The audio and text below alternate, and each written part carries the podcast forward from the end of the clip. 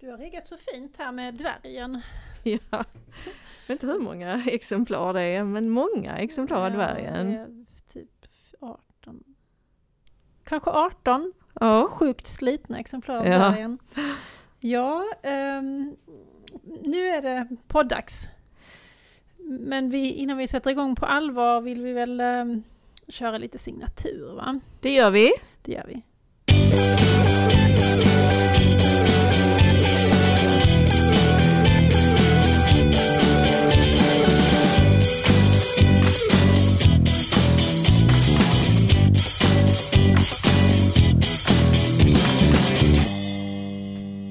Hej och hjärtligt välkomna till detta vårt 51 avsnitt av skolbibliotekspodden Flödet.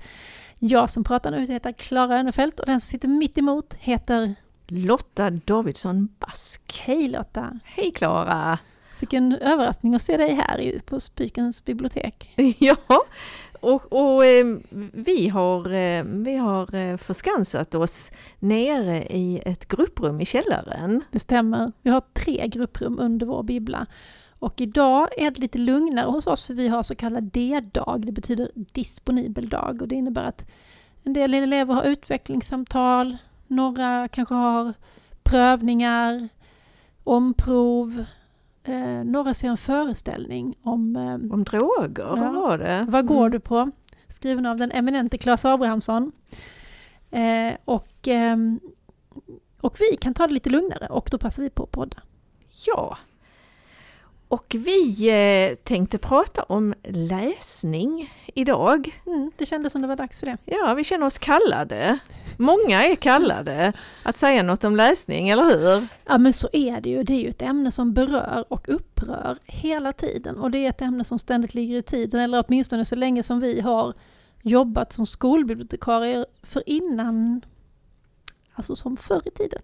Ja, Inte förr i förr i tiden, men liksom i den moderna förr i tiden. ja. Då tog man ju läsningen lite grann för givet på något sätt. Alla kunde läsa och det var inga problem. Möjligtvis fanns det lite videobandspelare som var ett hot mot läsning eller serietidningar som var ett hot mot läsning. Men det var inte så allvarligt. Men sen kom PISA-paniken. Och efter det har det varit en ständig följetong med liksom larm om hur läsningen går ner och hur hotad den är. Ja, Och nu har det gått så långt så att vi har till och med fått ett läsråd i Sverige Ja. som ska jobba mot det här. Och det fick vi ju höra lite om förra veckan. Eller ja. förra veckan, Ja. förra avsnittet, avsnitt 50. Ja, då hade vi ju Erik Haraldsson här. Eh, Erik, vår kära Erik, som är skolbibliotekarie på Ringsbergsskolan i Växjö och är ledamot i läsrådet. Mm, det stämmer. Och då berättade han ju om arbetet i läsrådet och hur det går till, så det rekommenderar vi verkligen att ni lyssnar på om ni behöver um, uppdatera er om vad läsrådet är. Men han berättade ju också att veckan efter vår podd eh, hade släppt så skulle det komma en, en, någonting spännande, en rapport från läsrådet och det har det ju gjort nu och den har vi läst. Ja, och den kom, den kom på fredagen på lovet. Mm. Så, så vi fick vänta hela veckan innan den kom. Och vad kan vi säga om den? Ja, alltså det är ju någon slags sammanfattning av forskning och olika undersökningar och rapporter. Mm. Vi kan säga att den heter, om man nu vill googla rätt på den, så heter den Nuläge om barns och ungas läsning. Och den är då utgiven av Kulturrådet, så man hittar den på deras hemsida. Ja, och den är ganska nätt, typ 48 sidor säger vi. Exakt 48 sidor. Den är det ja. Ja, för jag har, en, jag har den framför mig här. Här står Ja, bra. 48 sidor. Mm. Yes. Ehm, ja, så vad, vad säger de liksom? Vad kommer de fram till? Ja, ehm, om jag ska säga det som, som eh, jag eh, ehm, som jag har har fokuserat på när jag läste den. Eh, det är ju att de lyfter fram barn och unga från socioekonomiskt utsatta områden. Ehm, Ja, just det. Det fokuserar de på ganska mycket. ja, Och de skriver också en del om att de grupper som behöver de här insatserna, de läsfrämjande insatserna som bäst, kanske inte är de som får det som mest. Nej, att de vill satsa på, på flerspråkighet, på, eh, på barn och unga med funktionsnedsättning. Eh, ja, och att det, att det är många olika faktorer som samverkar. Mm. Ja, och sen eh, pratade vi lite om det här precis innan vi satte igång inspelningen också, om att de jämför ju massa olika undersökningar. Vad, olika undersökningar har sagt om hur det står till med barns och ungas läsande. Men att det är egentligen ganska svårt att utläsa någonting ur det, för det är ganska olika saker de mäter. Ja, som mediebarometern, där, där har man då kollat 9 till 14-åringar och 15 till 24-åringar. Och, och, och sen eh, refererar man till Myndigheten för ungdoms och civilsamhällesfrågor och där är det 16 till 25-åringar och sen är det SOM-institutet som har 16 till 29-åringar. Mm. Och så är det olika tidsspann och, och sådär. Och, och någon mäter hur mycket de faktiskt har läst per dag och någon bara ifall de har läst under den här månaden. Ja, det, är sådär, det är svårt att jämföra. Det, det skulle verkligen behövas någon ny någon ny forskning, någon liksom som tar ett helhetsgrepp, eller mm, hur? Ja, jag tycker ju att det är intressant med de här undersökningarna som faktiskt inte är liksom bara formulär och utan där det är fokusgrupper där man suttit ner och pratat med ungdomar.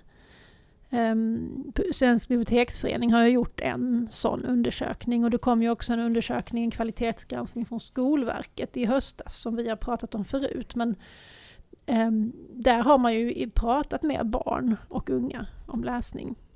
Och det vet ju vi också, när man väl sitter och pratar med elever ja. så får man ju fram helt andra saker. Ja. Och det vet vi också när vi själva fyller i sådana här enkäter, man ska skatta mellan 1 och 10. Ja, och vad menar de med den frågan? Hur ska jag tänka här? Det är inte alltid självklart.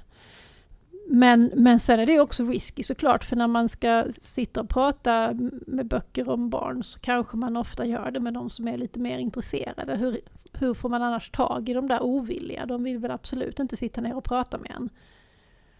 Nej, nej, det, det är svårare. Vi skulle kanske försöka göra det Lotta, vi kanske ska försöka samla en, en fokusgrupp elever, vi som hatar du läsning, ska vi gå ut och fråga. Vill du träffa bibliotekarierna och prata om varför? Ja. Jag, jag har grunnat länge på, på det här, vad är det som gör den enskilda individen till en läsare? Mm. Det är ju det är superspännande och eh, det är ett, ett livslångt eh, arbete. Det är ju mycket som kommer hemifrån såklart, men det som vi måste utröna är ju hur vi kan vara kompensatoriska ja. i skolan och i viss mån på folkbiblioteken. Jag tycker det intressantaste för oss i den här rapporten i alla fall, det är ju det som handlar om läsningen i skolan. Eh, och, och, och, där, eh, ja, alltså det står så här att eh, barn då, det här gällde Svensk biblioteksförenings undersökning, där de hade också de hade haft fokusgrupper, 92 unga mellan 15 och 18 år. Och då visade det sig att Barn och unga tycker att läsning kan vara både roligt och tråkigt ehm, beroende på sammanhanget där läsningen sker eller vad den har för syfte eller vilket medieformat de använder. Och läsningen på fritiden beskriver de som rolig och läsningen i skolan som tråkig. Och eh, då kan det vara samma författare, men om de har läst den i skolan så blir det tråkigt, och de läst den på fritiden är, är det roligt. Ja, det är ju intressant. Ja, så att sammanhanget spelar roll för liksom upplevelsen. Um, och, um, och att om det finns ett krav på prestation då så blir det tråkigt. Samtidigt så finns det då en annan, om det är samma undersökning, eller om det är en annan undersökning, vi ser 64, Nej, det här är en annan undersökning då av Tegmark 2022 eh, som visar att krav på prestation spelar roll för läsningen under skoltid. Eh, strukturerad kontroll av läsningen i skolan kan motivera eleverna. Oh. Och Plus att om de får den här strukturerade kontrollen av läsningen i skolan så kan det leda till att eleverna utvecklar egen läsmotivation på fritiden. Men hela tiden så är det avgörande att det finns val, att det, att det finns eh, eh, utrymme för val, att eleverna får välja texter själva, att det ska vara texter de kan relatera till. Mm. Och då kan det stärka elevernas läsning, den man gör i skolan alltså, kan stärka elevernas läsning även på fritiden och det tycker jag är intressant. Ja, för jag, jag har en reflektion här. Mm. När vi satte igång med, med läsprojektet på, eh, på Polhemskolan för flera år sedan så, så byggde vi ju det efter Linda Gambrells eh, Seven Rules of Reading Engagement. Att de skulle få vara med och påverka själva vad de skulle läsa, de skulle få lästid i skolan eh, ja, och, och några andra grejer.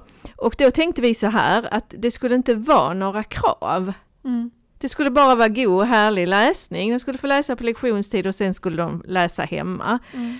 Eh, men det blev faktiskt så att många elever läste inte ut boken för att de hade eh, inget eh, bedömande moment. Mm.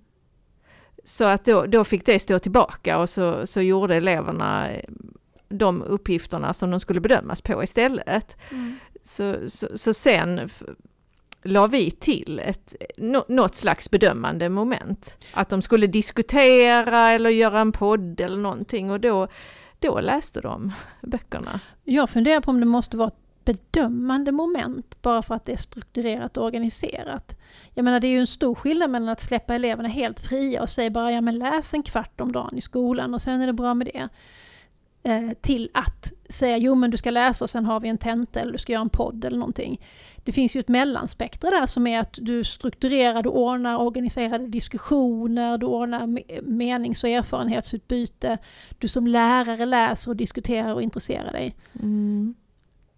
Så det behöver kanske inte vara en bedömning men det måste kanske vara ett strukturerat Nej. läsande. Jag vet inte, det var, det ingick där eh, in, innan de la in ett bedömande moment att det skulle vara en, en gruppdiskussion kring det lästa. Mm. Och, och trots det, Trots det så, blev det ja, inte. Så, Mm. så var det för många som inte Mm. läste ut sin bok. I alla fall en annan intressant med den här, med den här studien från Tegmark 2022 det är att em, eleverna uttrycker en stark vilja att bli goda läsare. De, de vill vara goda läsare. Och det kan man ju även se i andra eh, undersökningar att eleverna tycker att de håller på för mycket med sina telefoner, de vill gärna läsa mer. Eh, så att på något vis behöver vi hitta de där utrymmena som stöttar dem att välja, att välja läsningen, för det är svårt. Ja. Och, och, och en annan intressant sak är att i de här undersökningarna, och det är både den från Skolinspektionen och den här Tegmark-studien, eh, så eh, ser man ingen skillnad i läsintresse från, mellan killar och tjejer. Ja, det var ju väldigt Ja, intressant. Då kanske vi är färdiga med det här tjatet om pojkars läsning, bla bla bla nu. Då kanske vi bara kan jobba med barn och unga och läslust och Ja. slippa liksom dra det där lasset att det är så hemskt att pojkarna inte läser. Eller Mm. hur? Ja, men det, det skulle vara skönt. Mm. Vi drar ett streck över det. Vi drar ett streck över det. Ja.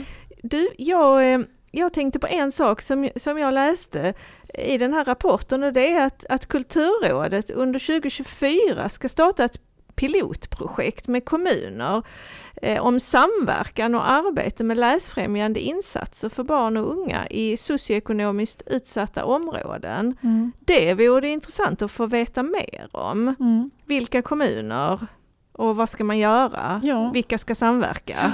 Ja. Och har de en skolbibliotek? ja, annars blir det ju svårt för dem att nå alla barn. Ja. Men om man tittar på åtminstone Malmö som är nära oss så är det ju bättre med skolbiblioteken i de områdena som är så kallade högindexskolor för de har lite mer pengar och då har de i större utsträckning skolbibliotek än på de i, i mindre utsatta områden. Ja. Och det kan man ju tycka vad man vill om för alla borde ju faktiskt ha ett skolbibliotek men ska det vara orättvist på något sätt så är det väl på det sättet det ska vara orättvist kanske. Ja, det, det kan man säga. Mm. Har vi något mer som vi vill ta upp om den här um, rapportens eh, innehåll? Och, Jag kom på en sak Ja. nu n- när du sa det här med pojkar och flickor, att det inte Ja. är någon skillnad. Att man har ju kommit fram till att det är hemresurser för lärande som är viktigare än kön. Mm. Just det. Och, då, och då, då är det ju en logisk slutsats att de ska jobba med elever i, Ja, i socioekonomiskt svaga områden. ja. Och, och, och hur viktigt det är med skolbibliotek för att kompensera eh, de, de barn och unga som inte har böcker hemma eller läsande föräldrar. Ja. Men också viktigt om eh, Skolinspektionens granskning från 2022 som vi har pratat om innan eh, här i ett annat poddavsnitt. Eh, det är ju väldigt viktigt det den säger att läsfrämjande insatser i skolan hänger på enskilda lärares initiativ och insatser. Mm. Att det allt för sällan är skolledare som, som driver det Ja. på en hel skola. Utan att det är, det är enskilda eh, insatser. Men det är därför som skolbiblioteken behövs så mycket, för skolbiblioteken blir ju en nod för det läsfrämjande arbetet. Och gör, eh, precis som med MIK-arbetet så är det någonting som en, att skolan ständigt påminns om att just det, just det, det här ska vi hålla på med. Skolbibliotekarien blir som en projektledare för det läsfrämjande arbetet på en skola. Kan stötta rektor, kan stötta lärare i det här arbetet. Ja, kan, kan samordna och, och se till att det, att det fungerar. Mm. Ja, nej men tre angelägna områden är det ju som de eh, um, identifierar. Det första är stärka läsningen för unga och unga vuxna. Ja, det var ju po- poängen med hela läsrådet från början. Överbrygga läsklyftor som beror på socioekonomiska skillnader och öka ungas delaktighet. Ja, Och det är ju, är ju då en jättebra grej att de också har valt Nyosha Shams som läsambassadör som ska fokusera på unga och som också har startat det här egna ett eget eh, litet läsråd. läsrådet bland ungdomar som, eh, som Erik sa att han tyckte nästan var en bättre idé än själva läsrådet. Ja. Eh, och det ska bli intressant att se var de, var de hamnar.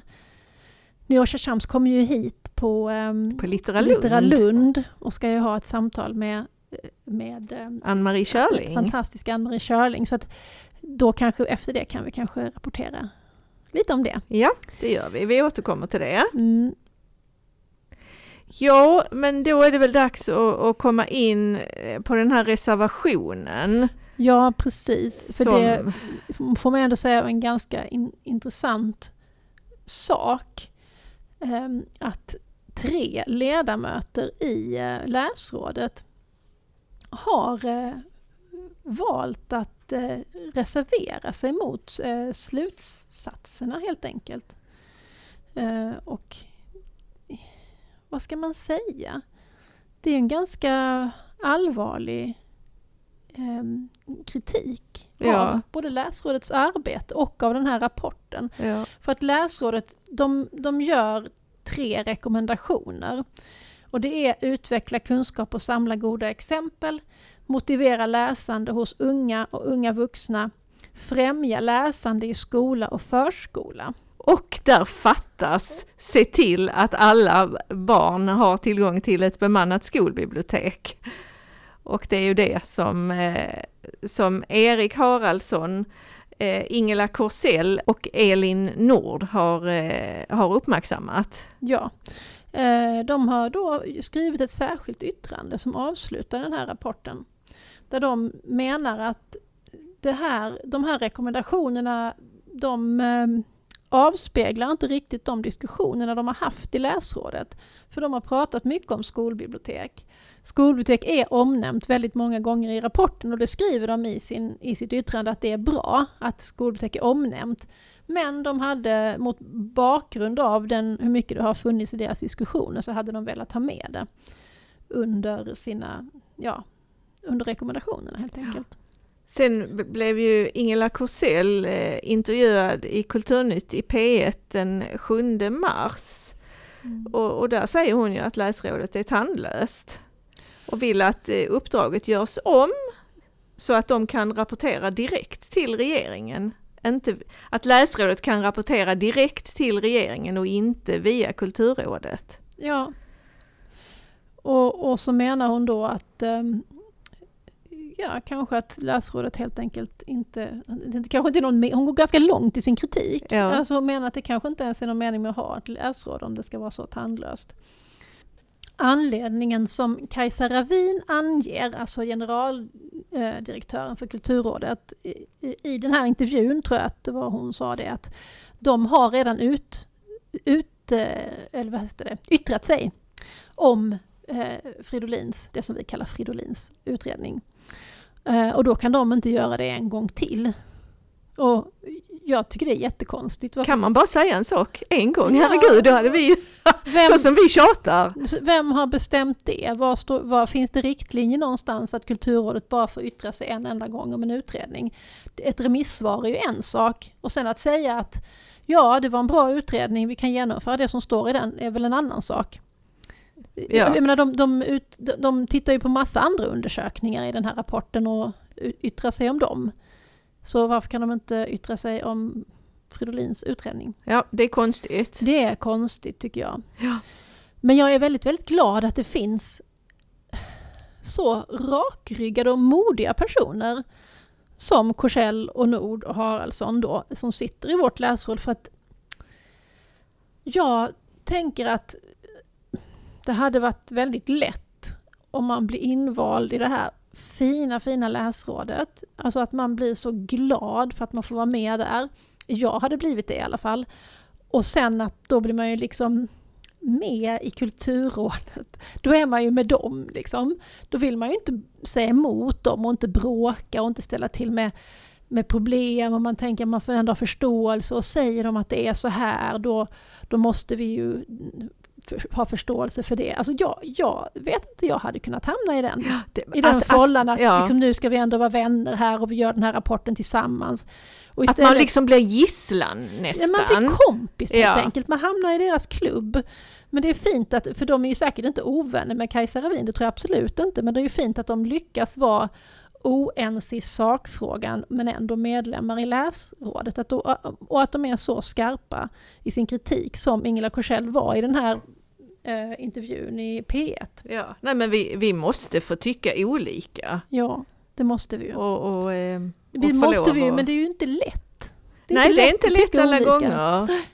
Det inte- Nej jag kan bli jättenervös när jag har skrivit någonting på Twitter och folk blir arga. Ja.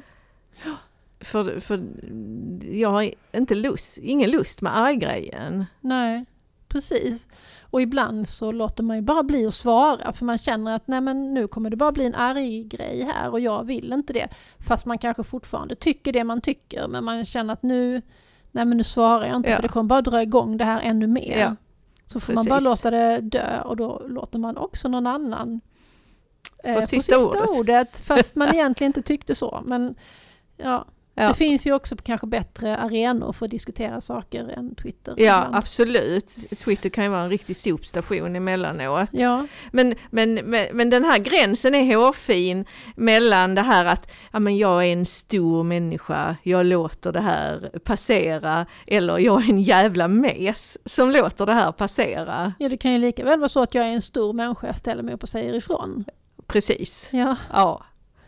så det, Eller jag är en liten mes, jag kryper in under min sten. ja. Men vi försöker ju kravla oss eh, fram från den här stenen, eller hur? Ja, apropå Twitter så gjorde jag ju faktiskt en fuling igår på Twitter. Har Gjorde du du? sett det? Ja, jag fulciterade Andreas Palmer eh, och skrev att han ville döda Astrid Lindgren. Vilket ju var, det var ett citat fast jag strök lite, jag Jaha. strök några ord i mitten. Ja. Så, att, så, att, eh, så att det stod att han ville döda Astrid Lindgren. Fick du hat sen? Nej, jag fick inte så mycket hat, men jag fick lite reaktioner i alla fall. Det var det jag var ute efter.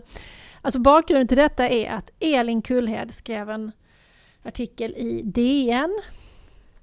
Eh, nu ska vi se när den kom. Häromdagen? Nu ska vi se, där har vi I Kullhed. söndags? Tionde i tredje kommer den på DNs eh, webbversion i alla fall. Och rubriken är Jag önskar att min dotter hade haft böckerna som motgift mot ett toxiskt TikTok. Och jag läste den där artikeln som då handlar om hur hon har försökt högläsa Ann på Grönkulla för sitt barn. Barnet har inte varit intresserat, eh, hon har gett upp och nu håller barnet på och grejar med TikTok. Och det är så mycket skit och Kullhed känner då att hon hade så gärna velat att hennes barn hade haft med sig en på Grönkulla, så hon hade med sig någonting annat än den skiten hon får på TikTok. Och det kan man ju sympatisera oerhört mycket med, men jag, nu kanske jag blir lite personlig här då, men eh, jag kände igen mig väldigt starkt i detta för att för ett antal år sedan, när jag själv hade tonårsdöttrar, jag ska börja, jag ska börja på ett annat ställe. När jag själv, när jag fick min, mitt yngsta barn, så var han en bebis och nästa barn var sådär 10-11 år. Och jag hade alltid läst högt för, mitt, för, mitt, för mina barn. Men då, eh, och jag minns att det faktiskt var eh, Skuggan över stenbänken vi skulle läsa. Då eh, gick det plötsligt inte längre. Det, det, dottern som var 10-11 år, hon, hon ville inte mer. Det funkade inte. Det funkade inte. Men det var ju ändå väldigt tydligt att det var bebisen som var i vägen. Um, det blev inte mysigt med ett skrikande kral, det blev ingen lugn och mysig lässtund. Uh, och sen fanns det också en svartsjuka mellan den äldre dottern och bebisen. Så att eh, det, det gjorde att vi, vi slutade högläsa. Det var ju många olika faktorer. Sen var hon en, ett barn som läste mycket själv. Hon kom in i slukaråldern och läste jättemycket själv då, så det var också lättare att släppa av den anledningen. Men då kände jag igen mig så mycket i Kulhedstext därför att i samband med att hennes dotter inte vill lyssna på han på Grönkulla så är det också att det finns en bebis som är i vägen för ja. högläsningen. Och, och Elin Kullhed kopplar ju också att hon samtidigt får sin första egna mobil. Ja, just det. Mm. Och lägger ju mycket på mobilen, ja. att det är mobilens fel. Ja. Och sen i alla fall några år senare när mina döttrar blev tonåringar, då satt de eh, inte så mycket med sina telefoner kanske, för de var nog mindre roliga på den tiden, men de satt jättemycket framför sina datorer i sina rum och tittade på tv-serier. Alltså konsumerade så mycket amerikansk populärkultur så att jag tänkte, men gud, hur ska det gå för de här barnen i livet? De gör ingenting på riktigt, de bara sitter där framför sina tv-serier med sina låtsaskompisar eh, och, och, och liksom de läser inget och jag var, jag var, jag var ledsen och, och bekymrad och eh, ibland lite arg. Lite på samma sätt som Kullhed är när hon skriver den här artikeln. Sen några år senare, nu när de är unga vuxna, nu har de ju slutat sitta hemma bakom en skärm och seriekolla på tv-serier. Nu skriver de romaner, de sjunger och dansar, de har fullt eh, fungerande sociala liv, de sköter jobb och studier eh, och de läser böcker. Så att när jag läste Kulleds artikel så tänkte jag att jag skulle vilja ta henne i handen och säga du, eh, det, det, det här kanske är, för det här upptäckte jag ju, det här var ju bara en vanlig tonårsrevolt det var inte så allvarligt som jag trodde när jag var mitt uppe i det. De kom ut på andra sidan som helt fungerande människor. Och det skulle jag vilja skicka till Elin Kullhed och säga att det, det, det, det, är inte så allvarligt som du tror. Det behöver inte vara så allvarligt som du tror. Jag, jag kände en, en stor sorg när, när jag läste hennes text. Mm, varför det? Jo men jag, jag tänkte att så här så här illa, så här illa är det inte. Jag kände som, som du att jag skulle vilja eh, ta henne i handen och prata om, om de här sakerna och att det, det ordnar sig. Och sen en annan sak är ju då det där med, med läsvalet. Att hon inte ville lyssna på han på Grönkulla. Var det liksom var det en anledning att ge upp om man verkligen hade velat värna högläsningen, hade man, då skulle man kanske prova andra vägar också. En annan bok, en annan situation, likt mig där med bebisen, det funkar inte bra. Man måste ge fokus åt läsningen, man kan inte ha en bebis som stör. Nej, att, att, vi, att vi intresserar oss för det som våra barn är intresserade av. Mm. Mm. Min dotter tittade också på en massa amerikanska tv-serier. Mm.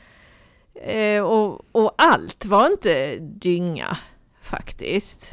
Mycket var dynga, mm. men, men allt var inte det.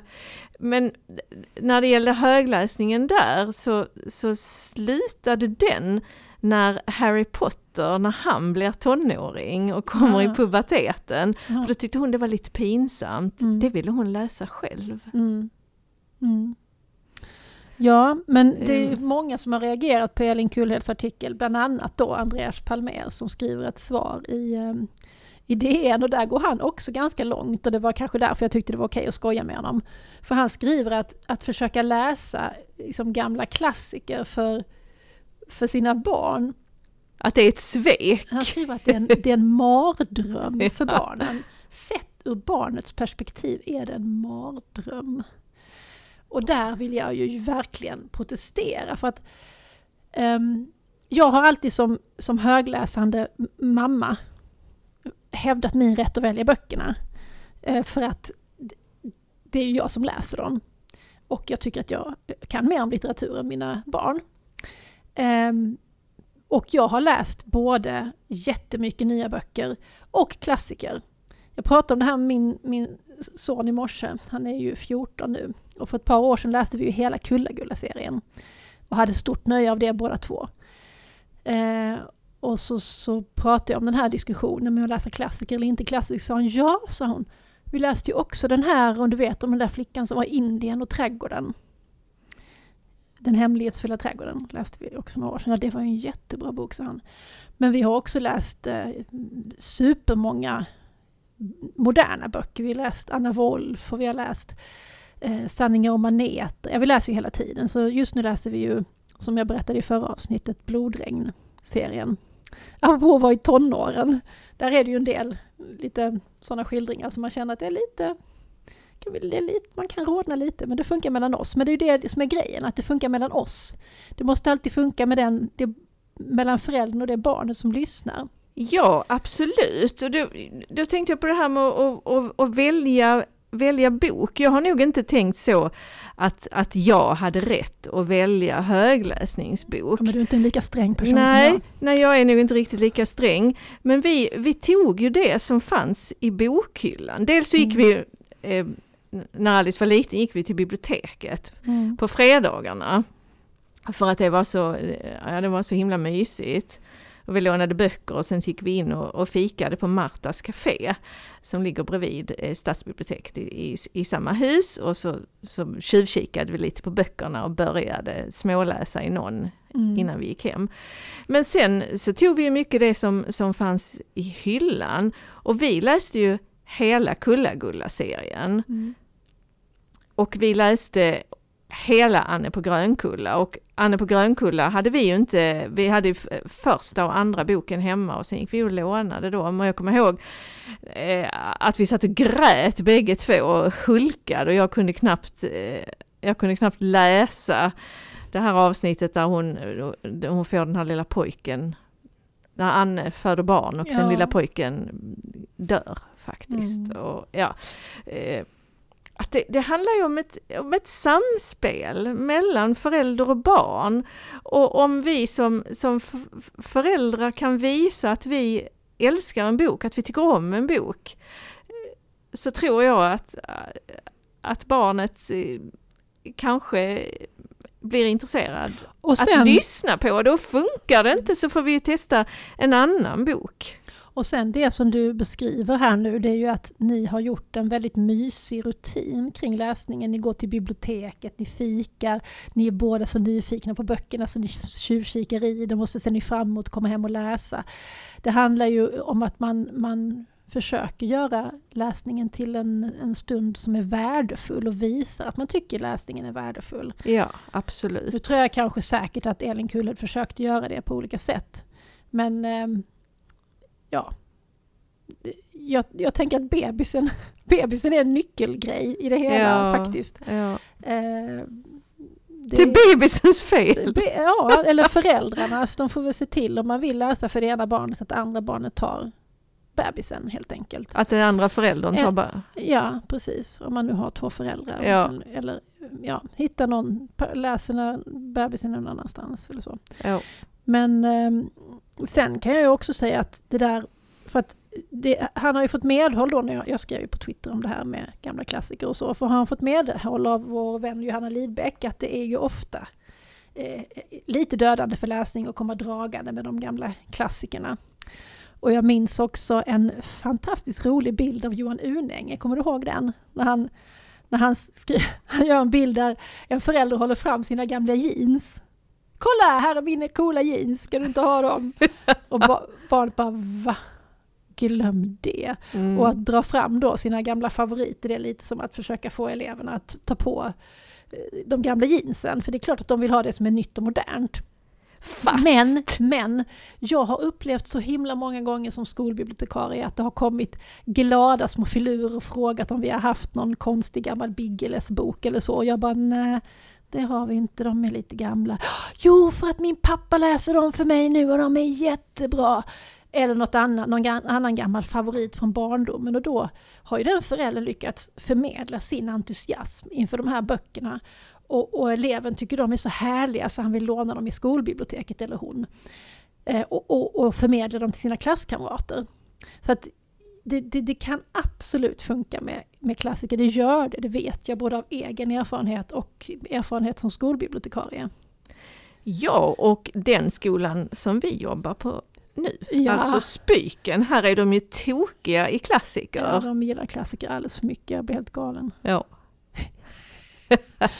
Nej, men så fort vi ska läsa någonting i något sammanhang så kommer de dragandes med klassiker. Och jag vill ju helst läsa nya böcker. Men nu har jag ju fått läsa om en del klassiker. Till exempel läser vi om Löwenskiöldska ringen. Och det är och det är jättehärligt. underbart. Så att, ja, det finns sina poänger med klassiker också. Ja. Men jag förstår ju jag förstår Elin Kullheds dotter. Jag vill helst läsa ny litteratur själv. För min egen personliga läsning. Men sen kan det ju också vara något, något helt annat. Jag kommer ihåg att jag har vissa böcker som jag har läst själv först. Har jag absolut, alltså som varit nya, till exempel Raimi Nightingales Stora plan. Eller eh, Anna Wolfs Alaska. De älskade jag så mycket så de kände jag de här måste jag läsa för mitt barn. Och så gjorde vi det och det var ju eh, helt ljuvliga läsupplevelser att läsa högt.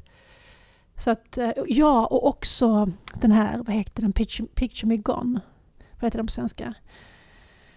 Um, det är den där de åker till de åker och letar Kanada. efter den här försvunna, Det är Meg Rosoff. ja, Mm. ja, den också, vilken fantastisk högläsningsupplevelse den var. Ehm, ja. Så att det finns, det finns många möjligheter att läsa högt, både klassiker och, ehm, och nytt. Och det är ingen motsättning. Som i så himla mycket annat så måste vi komma ihåg att vi kan ha två bollar i luften samtidigt. Och det är mer situationen som avgör vad som funkar och inte funkar. För att sen har vi ju också här på skolan lyckats övertyga vissa grupper om att läsa nyare böcker och inte bara klassiker. Till exempel läste vi ju Nätterna på Vinterfält plats med ett gäng här. Och det var ju en fantastisk läsupplevelse för oss allihopa. Det var jättefint. Mm. Och lä- vi läste ju om den. Mm, ja, du och jag Bägge läste om den men... två. Mm. Jag googlade upp nu, eh, Meg Rosoffs Picture Me Gone heter Om jag försvann. Mm. Såklart. Ganska direkt översättning. Har vi något mer att säga om läsning eller ska vi gå vidare till vad som händer i framtiden? Nej, vi kan bara säga att eh, ehm, Löwenskiöldska ringen och eh, Charlotte Löwenskiöld som vi läser nu, det, den läser vi tillsammans med vår kulturklubb. Ja, just det. Och ikväll ska vi ju gå på Operaverkstan i Malmö Japp. och eh, se och lyssna på Marguerite. Mm. Och det ska bli, det ska bli superroligt. Det är en slags nytolkning av fa- ur-Faust. Så att där kan man prata klassiker minsann. Yes. Jeps. Ja, men framöver händer det ju en del roliga saker. Dels eh, har vi ju ganska snart, eller ja, hyfsat snart, i slutet på april, Litteralund. Och där ska vi livepodda. Ja, då blir det livepodd med Klara och Lotta. Och Charlotte Cederlund. Ja, som är författare här från Lund. Eh, Så det ska bli superspännande. Det blir Flödet läser då. Ehm, Och innan dess hinner vi säkert med ett vanligt Flödet-avsnitt till skulle jag tro. Ja. Ehm, Sen har vi ju i slutet på maj en rolig grej för då ska vi åka till biblioteksdagarna. Ja, och där ska du vara med i ett panelsamtal Ja, om UX. yes, UX i skolbiblioteket.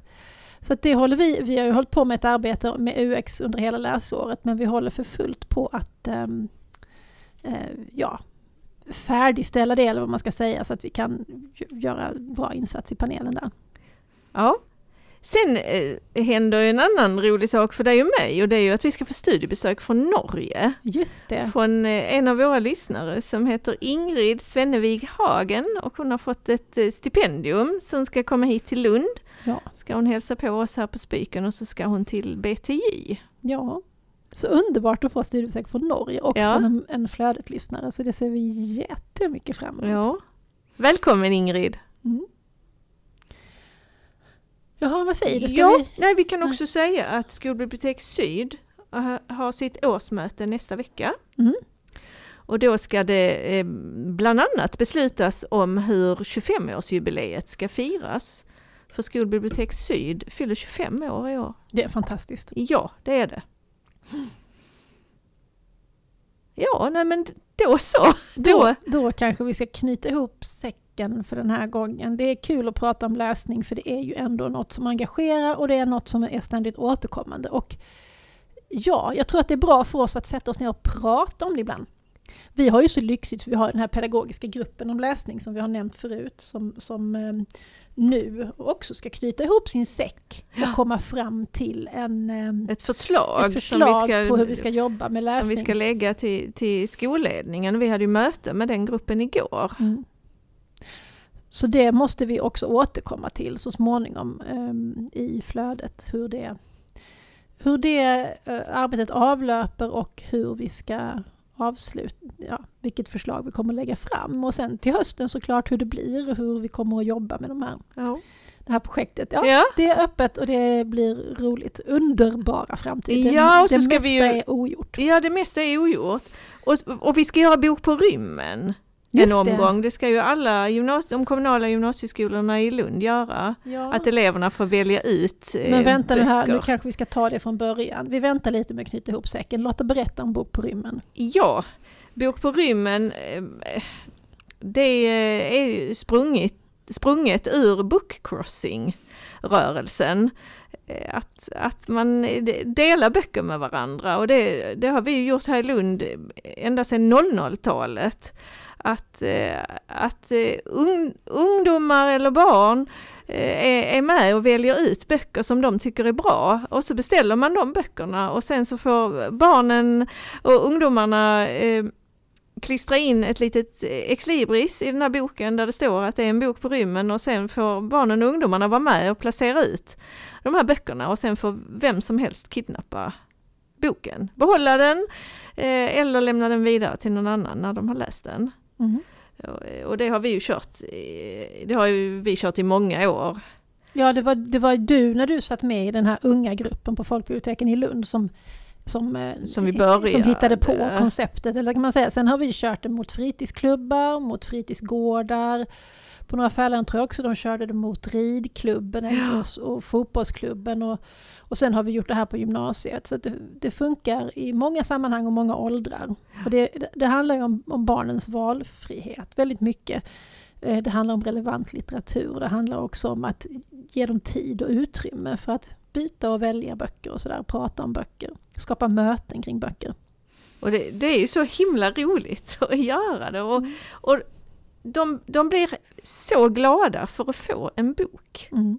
Så de som säger att, att barn och unga inte bryr sig om böcker, de vet, de vet fan i mig ingenting. Nej, och det visar ju också, om vi nu ska återknyta till den här studien, så visar det ju den också det, att de vill läsa, de vill prata om böcker, de vill ehm, ja, bli bättre läsare. Så det måste vi ge dem. Och om ni undrar då om finansieringen för Bok på rymmen så är det stipendiepengar som vi söker för detta. Och det, det finns olika stipendiefonder så om ni är intresserade så, så kolla upp eh, vad ni har för lokala stipendier Mm. där ni är verksamma Mm. och sök pengar. Mm. För vem kan tycka att det är fel att dela ut böcker till barn och unga? Ingen tycker det är fel. Ingen tycker det är fel, även om det är många som eh, inte bryr sig om att driva frågan om att hälften av landets skolelever saknar tillgång till ett bemannat skolbibliotek. Mm. Yes. Nu kan vi knyta ihop säcken. För övrigt anser jag att Fridolins utredning bör genomföras. Nu säger vi tack för idag Lotta. Tack Klara. Och hej då alla härliga lyssnare. Och tack rektor Torbjörn för gingen Som kommer här. Hej då!